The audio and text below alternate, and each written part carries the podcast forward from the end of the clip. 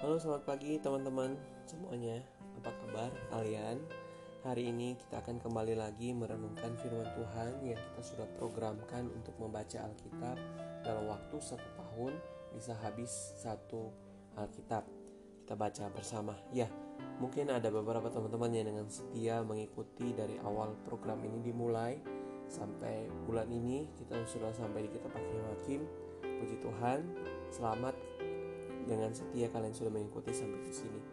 Oh ya, uh, bagi yang mungkin bosan, kurang semangat, ayo guys, tetap semangat, baca Alkitab, jadikan ini pedoman hidup, walaupun bosenin, walaupun nggak mengerti, ayo kita terus uh, memacu diri kita untuk boleh terus mencari dan terus mencari kebenaran firman Tuhan.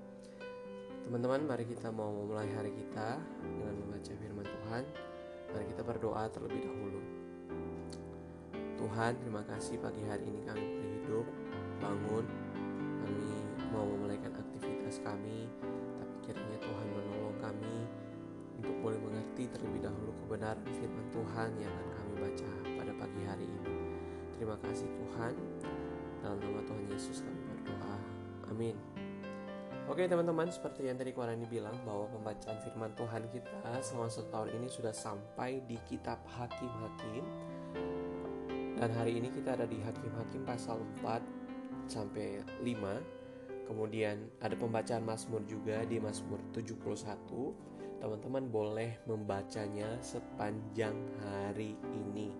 Jadi nggak harus pagi ini teman-teman baca Hakim-Hakim 4 sampai 5 serta Mazmur 71 tetapi teman-teman boleh baca sepanjang hari ini.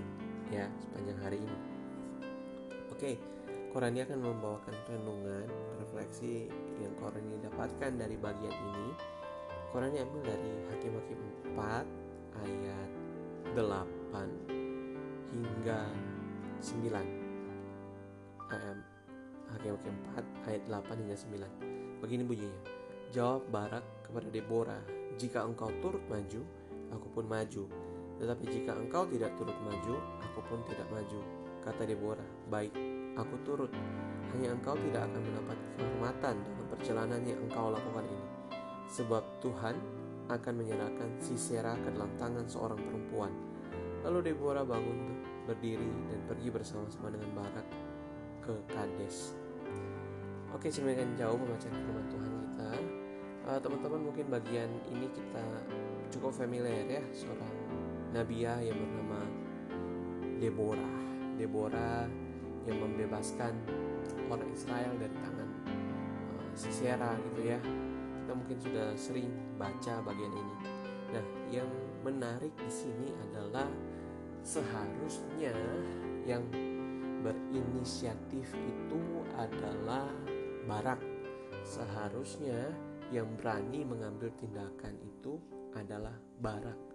Tetapi kenapa dia yang nggak mau? Dia yang malah bilang ke Deborah, kalau kamu maju, aku maju. Kalau kamu nggak maju, aku nggak mau maju. Nah, teman-teman kita melihat bahwa memang bangsa Israel semakin korup ya. Mereka semakin menjauh daripada Tuhan dan mau balik kepada Tuhan ketika uh, Tuhan memberikan mereka membiarkan mereka ke dalam tangan bangsa lain. Nah, dengan kekorupan ini, ini juga berpengaruh kepada para pemimpinnya, yaitu pada masa itu hakim-hakim.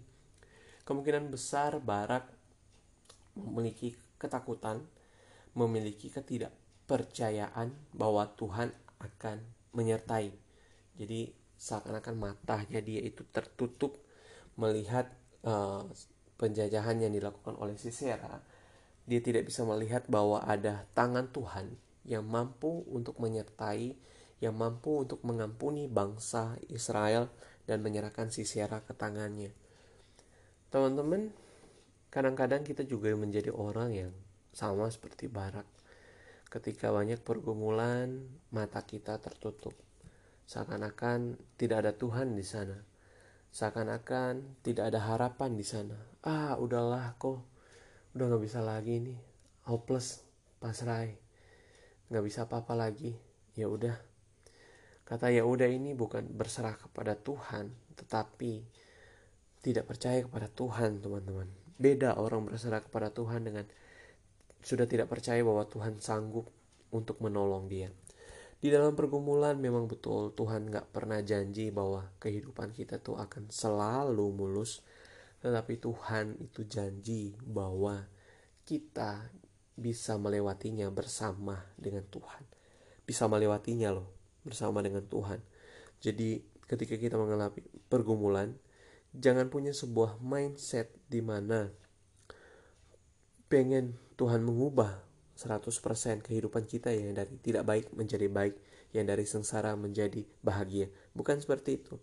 Tapi mari kita punya mindset bahwa Tuhan sanggup menolong kita, Tuhan sanggup menemani kita, kita diberikan kekuatan untuk melalui semua ini. Jangan pernah mata kita tertutup dengan masalah. Jangan pernah mata kita tertutup dengan pergumulan hidup.